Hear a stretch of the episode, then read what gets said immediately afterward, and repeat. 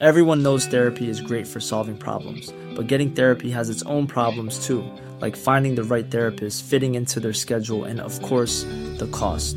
Well, BetterHelp can solve those problems. It's totally online and built around your schedule. It's surprisingly affordable too. Connect with a credentialed therapist by phone, video, or online chat, all from the comfort of your home. Visit betterhelp.com to learn more and save 10% on your first month. That's BetterHelp, H E L P.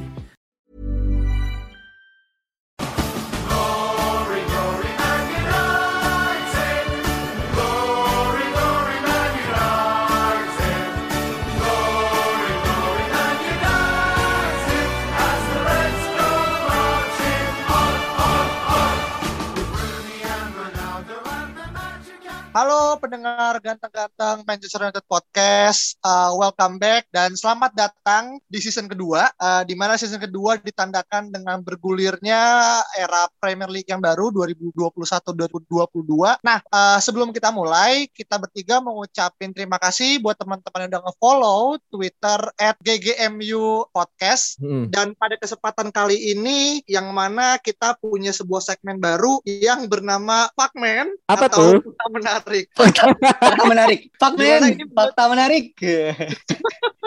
di mana ini menggantikan edisi spesial yang musim lalu dan kita ingin kemudian uh, melakukan rebranding Betul. supaya teman-teman kemudian sadar apa yang kemudian kita bahas itu punya uh, dimensi yang berbeda-beda. Benar-benar. Cuma nanti Iya. judulnya jadi j- jadi gak enak gitu ya. Uh, Mm-mm. Fuckman titik dua oleh perpanjang kontrak gitu kan.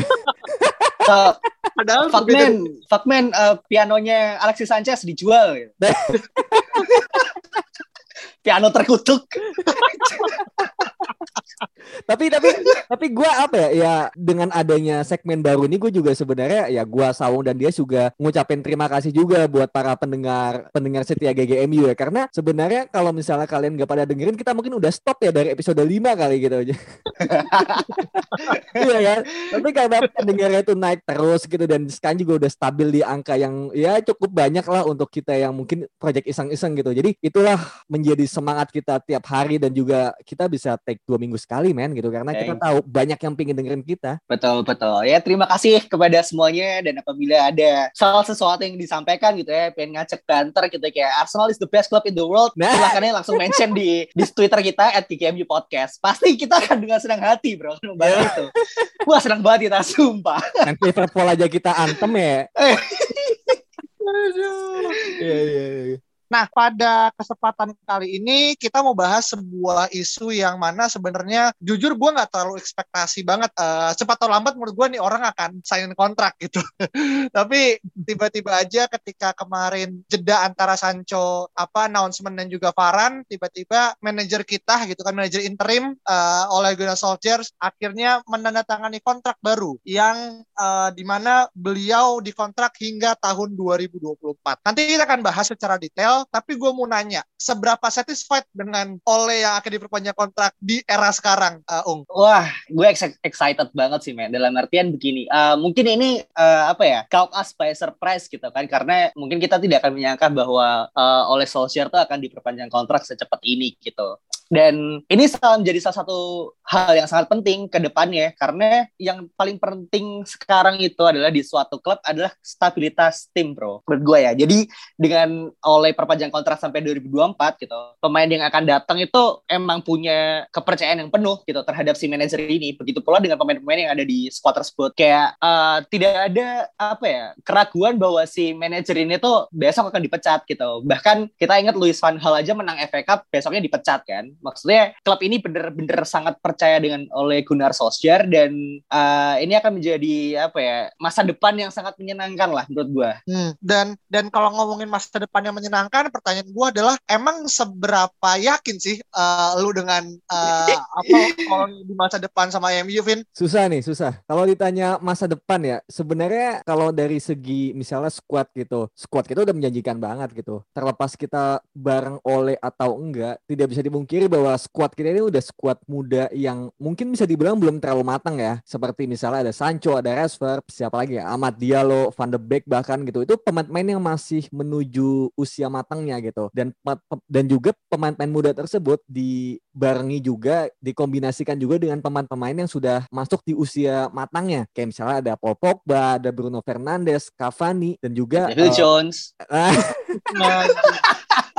pemain paling senior itu ya dari zaman Ferguson Betul. itu. Betul. Dia ya, punya trofi loh. iya, gila sih kalian tuh. Lebih tua setahun tuh daripada David De Gea bahkan. Makanya. Uh, uh, jadi jadi sebenarnya backbone itu udah ada. Kita udah tahu dari kiper sampai depan tuh semua ada. David De Gea di kiper ada gitu. Antara pas dia reguler atau enggak kan. Di back ada Varane dan juga Maguire. Oke, okay, Jones kita sampingkan dulu ya gitu. Di di gelandang juga ada tuh. Ada Pogba, Bruno. Depan juga ada Cavani gitu dan Rashford mungkin ya udah mulai mulai bisa. Jadi backbone-nya udah ada dan juga pemain-pemain di sekeliling itu juga sangat lebih, jauh lebih bagus. Menurut gue ini tuh squad yang jauh lebih bagus daripada squad yang ditinggalkan Van Hal, Moyes, Mourinho bahkan Fergie sekalipun gitu. Hmm, iya. Dan kalau kita menarik pada se uh, season lalu ya uh, 2020-2021 win percentage-nya oleh tuh ya bisa dibilang lumayan lah gitu kan. Atas di atas 50% yaitu di angka 57,30 persen kan. Mungkin buat beberapa orang kemudian bilang dengan squad yang kita miliki musim lalu setidaknya Piala Ciki dapat gitu kan. Dan uh, dan sebenarnya di depan mata kemarin kita kalah di uh, dua semifinal dan juga di ya, final ya. Uh, kita kalah gitu kan. Dan menurut lu apakah memori-memori uh, yang kemarin ini yang mana kita harusnya bisa dapat lima gelar ya sama oleh kalau memang kita terus-terusan kemarin uh, masuk ke masuk ke final dan juga juara, apakah hal ini tidak cukup memberikan sebuah beban moral juga buat oleh untuk kemudian memecahkan dulu pertama itu kan kadang sulit. Maksudnya hmm, the first is always hardest gitu kan. Dan oleh sampai sekarang belum bisa memecahkan mencapai telurnya dia sendiri gitu kan. Dan apa jaminan di musim depan Oleh bisa kemudian dengan skuad yang mewah ya, dengan skuad yang glamour gitu kan. Apa yang ngebuat lu yakin Om dia bisa mencapai telur buat pertama kali Om? Karena udah nggak ada alasan lain dia nggak akan bisa menangin apa title-title itu sih bro. Jadi kayak ibaratnya sekarang Oleh sudah mungkin salah satu pelatih sejak era Ferguson ya yang pemain wishlistnya gitu itu dituruti oleh board gitu kan. Ya, benar. Pengen Bruno Fernandes dapat, pengen Jadon Sancho dapat gitu kan pengen Harry Maguire, Wan Bisaka dapat semua juga. Jadi uh, ada satu cuy. Siapa dia, tuh? Dia mau ini waktu itu uh, Joshua King tapi nggak dikasih. Shen Longstaff bro, gue nyesel banget tuh gak dapet.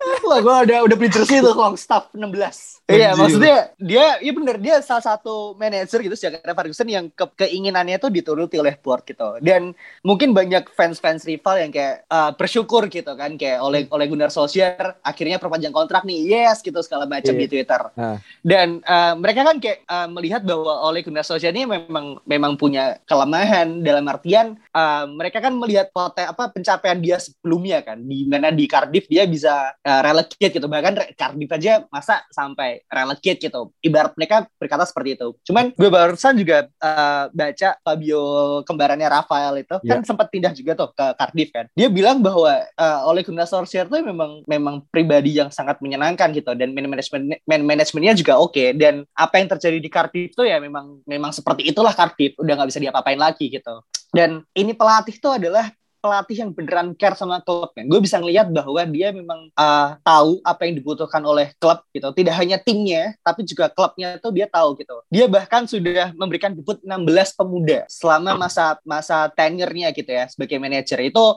lebih uh, lebih sat, satu pemain lebih banyak daripada Ryan Giggs, Louis van Gaal, David Moyes dan juga Jose Mourinho. Jadi dia tahu banget lah MU tuh butuh seperti apa, butuh stabilitas seperti apa, butuh pemain-pemain seperti apa. Dan ini uh, momen yang sangat-sangat baik sih menurut gue. Bahkan mungkin uh, eh, gue uh, melihat musim depan ini akan jadi lebih menyenangkan daripada musim 2012-2013 sih. Ah. Seperti itu. Kalau kalau gue apa ya? Um, sebenarnya kalau misalnya tadi dia juga mention mengenai kegagalan oleh ya di terutama di uh, perburuan gelar seperti piala-piala ya misalnya kayak uh, FA Cup, kemudian Europa League dan juga Piala Carabao itu kan kalau kita lihat sebenarnya gitu sejak oleh masuk kita tuh stabil mencapai stage stage-stage yang cukup tinggi ya dalam Piala Betul. tersebut. Mungkin, Mhm, mungkin mhm, kecuali uh, kalau mau dikecualikan itu uh, Liga Champions ya karena memang ya nggak gampang gitu. Tapi uh, UEL contohnya dua musim terakhir kita masuk semifinal dan final gitu. Terus Carabao kemarin tuh kita masuk semifinal ya kalau nggak salah ya. Masuk kalah sama Iya. City kalau nggak salah ya. Iya, uh, FA Cup juga kemarin kita di Hmm. di uh, perempat final kalah. Musim lalunya kita masuk final juga. Jadi sebenarnya kita tuh udah di track yang tepat untuk mencapai stage tertinggi gitu ya. Maksudnya kita nggak kalah sama tim-tim kecil atau misalnya uh, kalah-kalah konyol gitu, enggak lah gitu. Cuma balik Hmm. lagi, kalau misalnya udah sampai stage tertinggi, itu sebenarnya banyak hal yang terlibat di sana gitu. Kayak misalnya Betul. ada in match management, terus juga ada decision making gitu kan. Yang mana kita juga tahu oleh ini terkadang decision making dalam pertandingan final tuh suka aneh, ya kan? Ya semifinal lah, kayak misalnya lawan Sevilla dua musim lalu gitu. Itu banyak pergantian pemain yang mungkin cukup membingungkan gitu. Kemudian di final kemarin juga memainkan Rashford dan Greenwood sekaligus gitu kan. Jadi ketika em, mau super sub ya, lu cuma punya Daniel James gitu loh. Lu mau apa lagi? Bingung kan? Betul. Iya betul. kan? Betul. Pogba betul. juga ditarik sebelum penalti itu itu bingung gitu loh. Jadi menurut gua kita tuh udah di jalur yang tepat, tinggal bagaimana em, dalam hal mungkin mentality dan kayak gitu kayak tadi tactical tweak gitu ya di pertandingan final tuh diperbaiki lagi gitu. Masalah mentality Iya. em, di belakang Maguire udah mendapat partner yang sebenarnya sangat bagus ya tadi eh, Rafael Varane gitu. Mungkin nanti Saul mau nambahin gitu. Dan tinggal bagaimana Varane bisa klop dengan Maguire dan menurut gue tuh bisa menjadi salah satu duo terbaik setelah Ferdinand dan Vidic. Ya dan juga kalau kita bicara kompetisi ya, kan banyak seperti yang lo bilang lah, banyak faktor yang yang terjadi di situ. Sebenarnya gampang sih lihat bagaimana si manajer ini berprogres gitu dalam suatu kompetisi. Kita lihat aja lah EPL lah seperti apa kita. Selama dua musim kita top 3 terus loh bro, ya kan? Dari dua musim lalu kita peringkat tiga, sekarang peringkat dua gitu. Kayak kita tuh kalah cuma karena kedalaman squad tim di atas kita yang emang beneran gila gitu. Liverpool yang emang lagi sakit jiwa gitu kan, dan juga City yang emang emang beneran jago banget kayak gitu. Jadi Hmm. dengan adanya pembelian seperti ini gitu kan, uh, bursa transfer di mana MU sangat sangat aktif dan juga ada stabilitas tim akhirnya di mana pemain itu bisa percaya sama manajer sama klub. Harusnya sih bisa sih untuk melangkah lebih jauh gitu. Dan uh, ada satu hal yang bikin gue bersyukur bro uh, akan datangnya oleh Gunnar Solskjaer di Manchester United. Jadi ini pelatih adalah satunya pelatih yang menghalangi kita untuk menjadi Arsenal men.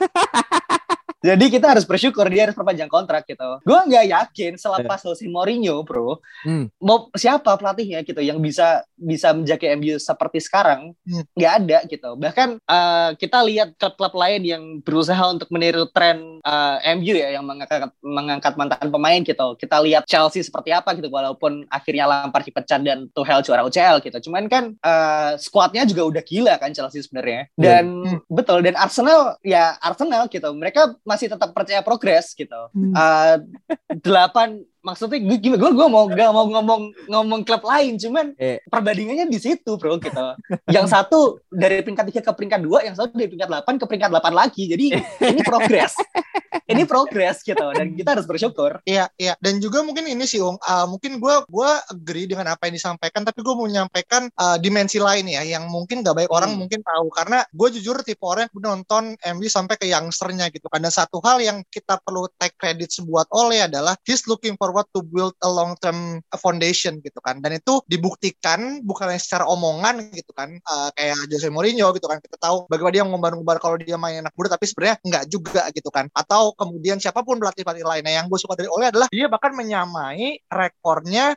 Sir Matt Busby dalam kemudian meng, meng- apa ya mem- mengorbitkan uh, pemain muda untuk bisa dapat kesempatan jam terbang di tim senior utama gitu kan di mana sampai dengan saat ini udah ada 16 pemain tuh yang kemudian dapat kesempatan oleh uh, mendapatkan jam terbang gitu kan dari mulai yang dia it's either dari uh, U, U18 atau U21 atau U23 ataupun dibeli dari tim lain yang kemudian dia mainin langsung uh, di starter 11 gitu kan kayak Ahmad Diallo kan. Jadi Ya. sebenarnya oleh memang kadang menurut gue dia emang future oriented gitu. Dia merasa gue akan melanjuti apa yang Fergie lakukan gitu kan. Makanya he's building the squad yang mungkin bisa dibilang cukup muda gitu kan. Dan salah satu hal yang gue suka juga adalah uh, even para board gitu kan. Terlepas kemudian orang bilang Ole adalah puppetnya puppet masternya uh, Glazer gitu atau Ed Woodward tapi Ed Woodward dan Glazer pun juga udah supporting oleh juga gitu kan. Dan ini yang tidak Hmm. dimiliki oleh tim lain gitu kan United di, di, di United di NA gitu kan. Kita lihatlah coaching staffnya oleh gitu kan. Dia punya Michael Carrick dia punya Dylan Fletcher uh, ada Nicky Butt juga gitu kan. Dan itu emang dicoba dilibatkan sebagai bentuk identitas yang emang mungkin buat tim lain sedang mencoba sampai ke sana gitu kan. Sama terakhir oleh ini kan sebagai menurut gue ya salah satu contoh nyata bagaimana MU bisa memberikan sebuah benchmark standar yang tinggi untuk kelompok untuk tim lain dia meng-hire pelatih dari legend ya gitu loh. Kalau lu lihat kita kan pertama tuh kita gitu kan oh, kita ngangkat oleh gitu. Tiba-tiba uh, Juve kemudian ngangkat uh, Pirlo, Pirlo. Arsenal ngangkat siapa namanya um, Arteta gitu kan Lampard dan segala segala macamnya menurut gua ini sebuah standar yang kemudian kita nggak bisa lu nggak bisa kita kesampingkan sih. Itu menurut gua sih jadi dari sisi pandang lain ya kayak gitu juga Iya iya. Cuma cuma gini, gua gue sebenarnya nggak mau ke arah sana ya. Karena kalau kayak gitu nanti kita pada akhirnya membawa ke arah Zidane yang mana Zidane juga sukses juga gitu bahkan lebih sukses lagi daripada MU dengan Hmm. Ole gitu. Yang mana kayaknya emang emang agak sulit ya kalau membandingkan kayak gitu karena kalau ngomong gitu juga kita juga harus melibatkan Pep Guardiola dong di Barcelona gitu yang mana Bro. kita tahu betapa suksesnya dia gitu. Cuma oke lah Iya. gitu itu itu itu mungkin another thing gitu ya. Dan Hmm. em, sebenarnya yang mungkin ya gitu em, oleh ini gitu. Kenapa bisa bagus juga di MU dalam hal eh, bisa di backing transfernya untuk pertama kali ya manajer MU setelah Fergie adalah ya ini ini ini opini gue pribadi ya. Dia tuh kayak main cantik aja gitu di depan mereka gitu. Tapi sebenarnya dia tuh punya demand. Dia punya plan, dia punya punya rencana gimana dia mau ngebawa MU gitu. Cuma dia tuh nggak radikal ngasih taunya. Dan seperti yang kita tahu mungkin ya orang seperti Van Gaal itu kan agak keras ya dan tegas. Kemudian Mourinho juga dengan dengan idealismenya yang seperti itu. Bahkan kita tahu setelah Mourinho eh, bawa MU ke peringkat 2 dan juga masuk final FA Cup, dia tuh nggak dibeliin pemain yang dia mau, ya kan? Kita tahu Hmm. dia minta Maguire nggak dikasih, dikasihnya Fred kalau nggak salah sama Dalot kayak gitu. Tapi Ole sekarang dikasih semuanya gitu, bahkan Varane, Sancho gitu. Jadi yang gua lihat tuh bahwa dia itu mainnya itu kayak politisi lah bisa dibilang ke John Murtaugh, ke Matt Judge, ke Ed Woodward dan juga ke Glazer. Dia tuh punya muka yang baik di depan mereka gitu. Jadi Baby face assassin kan? baby face Iya. iya. Jadi sebenarnya tuh dia punya senjata di belakangnya. Jadi bukan orang yang kasar ya. Mungkin dari luar kelihatan kayak orang bego gitu kayak iya iya manut-manut baik gitu kan. Iya iya iya Gitu. betul. Menurut, men- menurut gue itu itu sebuah kepribadian yang cukup Eh. apa ya ka- kasarnya ya. Itu agak manipulatif sih tapi ya that's great lah. Iya, tapi Tapi- kalau kalau dibandingin sama Zidane dan juga Pep Guardiola kayak nggak bisa juga sih men karena dua pelatih itu kan punya Ronaldo dan Messi gitu di masa-masa prime-nya jadi eh, apa ya sulit untuk untuk membandingkan Solskjaer dengan Zidane dan Ronaldo Zidane dan Guardiola sih Eh gitu ya, ya gimana ya? Ya memang sih kayak oke punya Ronaldo gitu kan. Cuma pada akhirnya ya Ronaldo di Juve yang nggak sejelek itu pun juga sama Pirlo nggak bisa juga gitu. Jadi ya berarti Iya, Pirlo-nya iya. berarti dong nah, nah itu kan itu kan masih menjadi sebuah tanda Iya, tanya iya, gitu. iya. Maksudnya gue juga nggak mau ngebawa ke sini karena pembahasannya Hmm. bakal makin jauh lagi gitu. Tapi intinya em, sejauh yes ini yes betul betul Ya, gue melihat bahwa bahwa Ole ini membawa sesuatu yang berbeda ke dalam tim dan itu disukai oleh eh, manajemen tapi juga sama fans gitu loh, kayak gitu. Ya, tapi gini Vin, uh, sama Asong, gue mencoba untuk jadi devil advocate ya di sini ya. Jadi gue juga mau mencoba kita tuh ada kontra argumen Iya. karena kan dari tadi kita seolah-olah mendukung gitu kan. Dan kenapa gue butuh ini? Karena di Twitter pun atau di sosial media lain pun banyak orang juga fans MU yang kemudian kepecah gitu kan. Ada yang nggak suka juga gitu kan dengan oleh perpanjang kontrak gitu kan. Mm-mm. Nah kita tahu lah siapa-siapa orang tersebut gitu kan. Dan pertanyaan gue gini, ketika ada orang kemudian memberikan statement uh, bahwasanya oleh kemudian miskin taktik, apa yang kemudian lu bisa uh, overcome dengan hal kayak gitu? Apakah itu benar atau lu kemudian punya sebuah pendapat lain? Bosnya oleh nggak miskin taktik, tapi secara pemainnya mungkin nggak dalam atau apa yang kemudian lu ingin sampaikan dong? Gini aja deh, kalau misalnya Ole miskin taktik, seberapa buruk para manajer di Liga Inggris, bro? Sampai orang miskin taktiknya bisa peringkat dua, kan gitu. Dan dia punya punya rekor yang bagus loh lawan uh, Guardiola, lawan Tuchel, lawan Marcelo Bielsa, lawan Jurgen Klopp gitu. Dia punya rekor yang bagus. Masa iya dengan pelatih apa pelatih uh, PE teacher gitu ya, punya rekor yang buruk, uh, punya taktik yang buruk. Gue sih gue sih simpel aja ngelihatnya seperti itu aja gitu. Jadi oke lah, uh, mereka nggak setuju nih gitu. Anjing ngapain sih oleh perpanjang kontrak gitu. Terus pilihannya siapa sekarang? Gue tanya dah gitu. Oleh dipecat nih sekarang kan. Siapa yang gantiin? Ada nggak nama nama yang bisa menggantikan Oleh untuk menangani Manchester United sebaik dia lah? Siapa Gak ya? ada menurut gue. Zidane ya. Hanya karena Farhan udah ke MU tiba-tiba oleh ditendang gitu.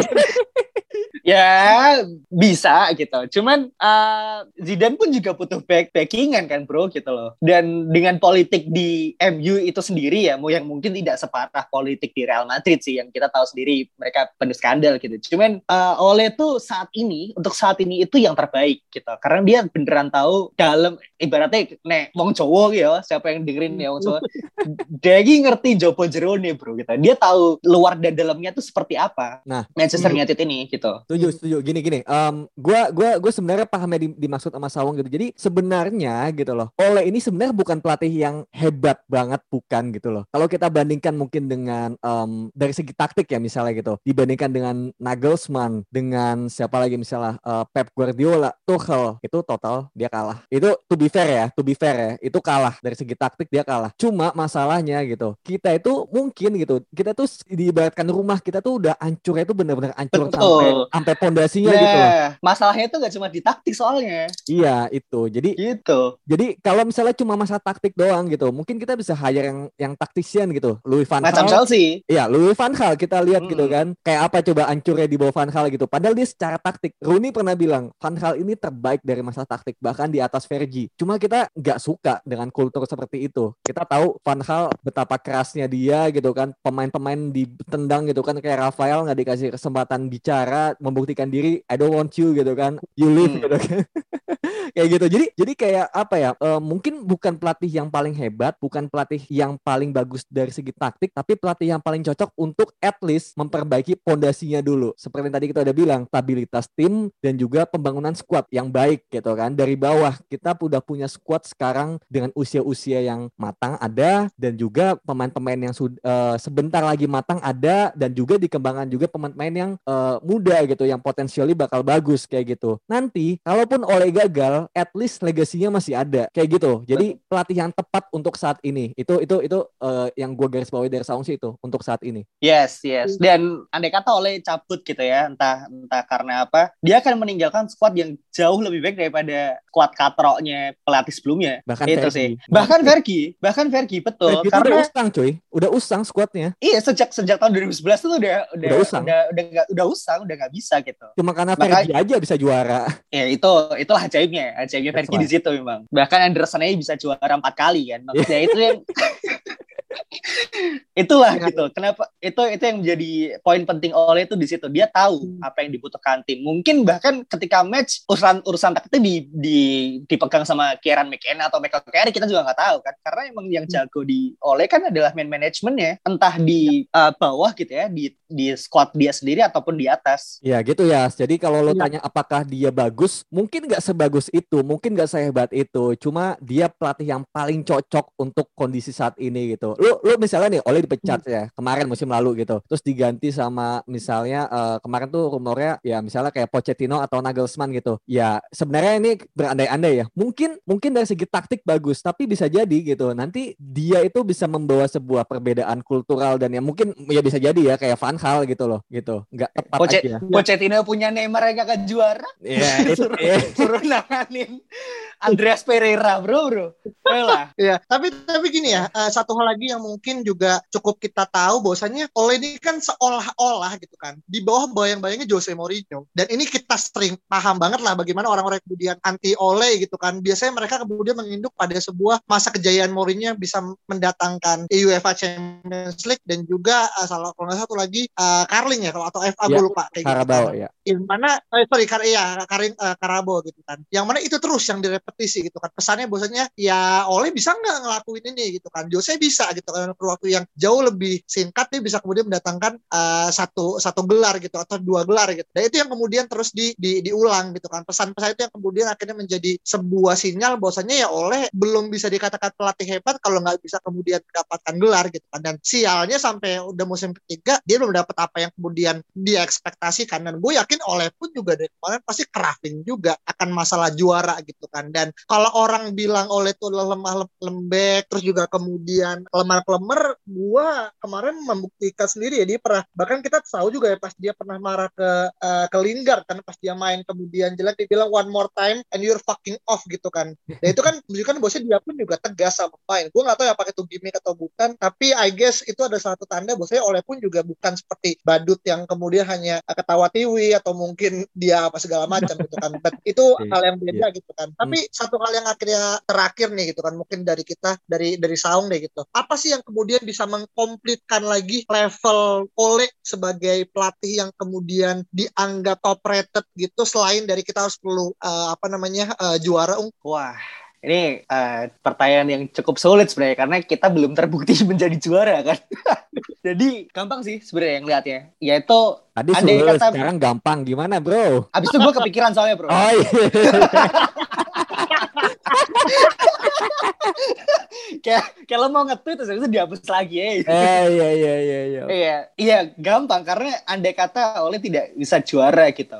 Uh, musim ini tinggal kita lihat ya pencapaian pemainnya seperti apa sih. Apakah hmm. dia bisa membawa pemain-pemain tersebut menjadi pemain yang world class gitu. Dia sekarang punya banyak pemain world class menurut gue kan. Ada Bruno, ada Sancho, uh, ada Pogba sekarang, ada juga Rafael Varane. Apakah pemain-pemain ini bisa di level tertinggi mereka atau bahkan melebihi atau malah jadi katrok? Itu aja sih hmm. gitu. Dan kalau misalnya pemain-pemain ini masih bisa berkompetisi di level yang sangat tinggi gitu, bahkan menjadi team of the season gitu atau menjadi apa team of the tournament or something gitu. Tapi MU secara unlucky, unlucky tidak bisa juara, ya berarti emang emang faktor luck gitu. Cuman dengan melihat pemain-pemain ini bisa perform di kompetisi tertinggi, ya berarti memang oleh unlucky aja sih menurut gue gitu. Iya. Dan pertanyaan gue Alvin hmm. gue gue terus ada lagi nih. Misalkan MU oh, akan juara. Sama. Enggak, enggak. Gue gue kira gue gue beda, gue beda. Misalkan ya sih bilang gini kan, 21 is coming itu adalah campaign yang udah sering banget tuh gue dengar di Twitter gitu kan dengan dengan squad kita yang kemudian masih rebuilding. Dan ketika ada orang, iya kalau juara pun ya emang, iya simply MU emang autopilot aja gitu. Ada atau nggak ada oleh, pemain akan kemudian bekerja sendirinya. Gitu kan. Dan kita nggak perlu kemudian mendikte, eh lu ADG eh, nangkepnya gini ya gitu. Lalu uh, Fernandes lu ngoper gini. Enggak kan. Nah apakah lu kemudian setuju ketika nanti oleh juara kemudian simply emang squad emang to good to be true gitu kan. Dan nggak ada alasan juga untuk nggak juara. Itu kan sebuah poin juga yang yeah, bisa yeah. dijadikan alasan juga gitu. Iya, apa ya? Ya lu lihat aja deh uh, Bayern ya ini balik lagi ya. Gue tuh bukan fans oleh gitu. Mungkin yang lebih ngefans itu uh, Sawong kali ya dibanding gue gitu. Maksudnya kalau gue ngefans, Bro. Oh, lu enggak. Oke, oke, oke. Gue sayang. Saya udah kayak paman gue tuh. Uh, punya WA-nya ya? Punya, punya. Oke, oh, oke. Okay, okay, okay. Salam, salam. Uh, apa ya kalau kita lihat gitu Pep dengan Bayern Munchen aja dengan squad yang waktu itu mewah ya itu nggak bisa bawa untuk juara Liga Champions gitu meskipun Liga oke okay, gitu kan itu nggak bisa mungkin paling gampang bayar, balik lagi Bayern Munchen lagi waktu itu gantinya Niko Kovac juga dipecat juga men gitu loh jadi nggak segampang itu lu menangani sebuah tim bertabur bintang sesimpel itu aja sih gitu jadi um, bukan berarti terus kemudian autopilot ada ego-ego yang harus diredam. Ada ya keputusan taktik. Jadi ya itu kardus aja sih menurut gua kalau kayak gitu dan dan eh, apa Bayern Munchen juara treble itu karena pelatihnya one of their own loh bro. Hansi Flick loh men. Hmm. iya iya iya kan? Jadi memang butuh pemain apa klub seperti Bayern Munchen dan juga MU ini memang butuh uh, pelatih manajemen yang memang tahu kebutuhan klub itu seperti apa gitu. Karena gue melihat ada kesamaan nih antara uh, Munchen MU dan juga Ajax sih kalau menurut gue ya. Jadi klub-klub ini tuh ibaratnya tuh kayak keluarga men. Kayak kedekatannya gitu loh. Jadi kalau misalnya ada orang asing gitu ya yang ibaratnya kayak nyuruh-nyuruh doang nggak ngerti kondisi rumah seperti apa ya pasti orang rumah rumah itu akan membelot sih gitu. Akan terpecah gitu. Kecuali memang ada orang gitu ya yang ternyata bapak mereka yang hilang dan nyuruh minta dengan kasih sayang gitu ya pasti mereka mau mau aja gitu. Nah kalau misalnya MU nggak ada pelatih gitu kan eh, nggak uh, perlu pilot gitu. Pogba ngelatih sendiri pasti bro. Itu udah pasti mereka dia mau mainnya di depan doang nggak mau mundur pasti juga. Jadi memang butuh ya butuh pelatih lah. Kecuali kayak uh, Barca zaman Guardiola ya yang di mana Xavi Iniesta Messi itu udah bisa jalan sendiri gitu. Hmm. Jadi hmm. emang emang beda aja sih kebutuhan tim itu seperti apa dan itu yang yang tidak mungkin tidak bisa dilihat oleh para uh, analis-analis ini ya gitu. Yang merendahkan oleh karena dia untuk saat ini belum punya pencapaian. Iya. Ong, kalau boleh uh. satu kalimat yang ingin lu sampaikan kepada para pecinta MU lainnya ya gitu kan yang kemudian berbeda pandangan akan bagaimana menyikapi oleh kemudian berpanjang kontrak apa yang bisa lu sampaikan dong? We're fucking back, bro. Backwards atau gimana nih? Back to where we belong, man. Lo tau, lo, In the lo hell. tahu. Waduh, jangan dong. Ini kita kita baru aja lepaskan zaman kegelapan nih. Ya kan? Lo kalau lo tahu gak sih alasan uh, Sancho tuh dapat nomor 25 itu 21 tambah 4, coy. Empat gelar maksudnya ya. Bener. Enam, ini kita six tuple there, bro. Di bawah oleh kita percaya lah, yakin lah, bro. Bal- apa Bruno Fernandes tuh Ballon d'Or setahun dapat dua langsung. Tuh. Makanya lah siap-siap aja lah rival-rival fans-fans itu. Jadi kayak lihatlah kita dengan iri. Gitu. Gua tahu, gua tahu kalian semua tuh iri kan melihat pencapaian MU di bursa transfer gitu kan. Iya iya. Kemarin kita cuma lihat Chelsea sambil ya Allah kok bisa ya Chelsea tim kayak gini gitu kan nggak mikir gitu kan enam pemain first team langsung dapat ya ini gantian gantian ya kan. Jadi Iya, iya, oke. just just enjoy man, enjoy our Iya. game lah. Iya, iya, iya. Ya, Ya, cuma- balik ke Hmm, hmm, kalau kalau kalau dari gua mungkin ya kalau- kalau gua mungkin nggak nggak akan satu kalimat terakhir untuk untuk fans yang berbeda pandangan ya gitu. Maksudnya pada akhirnya menurut gua ya lu back aja. Lu lu back em, manajer lu aja sebaiknya. Cuma kalau boleh misalnya gua em, memanage ekspektasi ya gitu. At least satu gelar itu cukup. Apa pun itu. Gua nggak muluk-muluk gelar liga ya karena ya balik lagi gitu. Ketika kita berharap terlalu tinggi nanti yang kita dapat hanya cewek gitu kan. Balik lagi ini konteksnya mungkin bisa ke mana-mana cuma em, gue cuma mau kayak at least oleh pecah telur dulu aja gitu dan squad yang sekarang gitu kemarin kita gagal FA Cup Carabao Europa League at least kalau kita dapat piala kebo satu aja ya itu udah mengubah em, narasi-narasi yang kemarin udah dibangun sih Ya, gue gue malah ngeliatnya kalau misal juara piala kebo doang kayak, aduh sayang banget sih dengan dengan squad seperti ini ya, cuma bisa Harusnya menang piala kebo tuh. harusnya apa, Apa? harusnya apa lagi Audi Audi Cup Audi Cup. Lah, World Cup lah. Audi Cup tuh kan bagian Tottenham, Arsenal oh iya iya Beda lah. Karena kali ya, kalau misalnya mereka diundang kita nggak usah datang, gitu kan. menghormati tuan rumah aja kita ya Betul, betul. Kan itu adab-adab agama kan apa harus ini harus adab dengan tuan rumah gitu Bener, kan. bener, bener, bener, bener. seperti itu. Jadi kalau cuma piala kebo sih menurut gue malah underperforming sih sebenarnya walaupun gue suka oleh akhirnya angkat piala gitu. Cuman untuk squad sekuat ini gitu, at least boy, at least buat itu harusnya FA Cup atau dia mungkin poin 80 ke atas Wih. di liga Hmm. gitu sih. Iya, iya, oke, oke, oke. Oke, apa pun yang kemudian nanti akan terjadi gitu kan, kita berharap yang terbaik buat Ole dan juga sebenarnya ini kembali pada posisi kita di awal gitu kan. We are hated but never uh, ignored gitu kan. Itu yang akhirnya membawa apalagi sekarang MU kemudian dalam terpetik ya beli pemain yang kemudian dengan harga yang kemudian uh, cukup uh, apa terjangkau dan skuadnya semakin bertumbuh. Kita ngera gua ini akan tumbuh dalam hal yang positif gitu kan. Dan yang terakhir satu quote yang akhirnya gue pernah dengar dari Ole yang gue suka banget adalah ketika pas kemarin kita naik it naik at Paris gitu kan dia bilang mountain are there to be climbed don't they gitu. Maksudnya dia kan membuktikan bahwasanya ya gue tahu di depan gue ada tantangan gitu. Dan tantangan itu adalah sebuah gunung dan gunung itu harus gue lewatin dan itu adalah sebuah spirit yang gue rasa datang dari orang yang kemudian dia paham culture dan juga dia paham bagaimana memanage tim untuk kemudian uh, fokus pada hal yang jauh lebih di jangka panjang kayak gitu. Itu aja dari kita bertiga. Jangan lupa follow Twitter kita dan sampai jumpa pada pertemuan berikutnya. Dadah.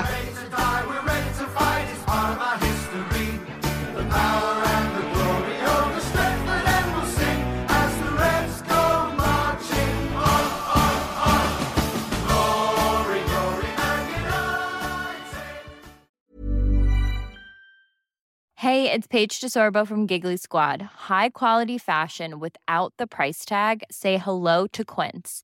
I'm snagging high-end essentials like cozy cashmere sweaters, sleek leather jackets, fine jewelry, and so much more. With Quince being 50 to 80% less than similar brands. And they partner with factories that prioritize safe, ethical, and responsible manufacturing. I love that. Luxury quality within reach. Go to quince.com slash style to get free shipping and 365 day returns on your next order. Quince.com slash style.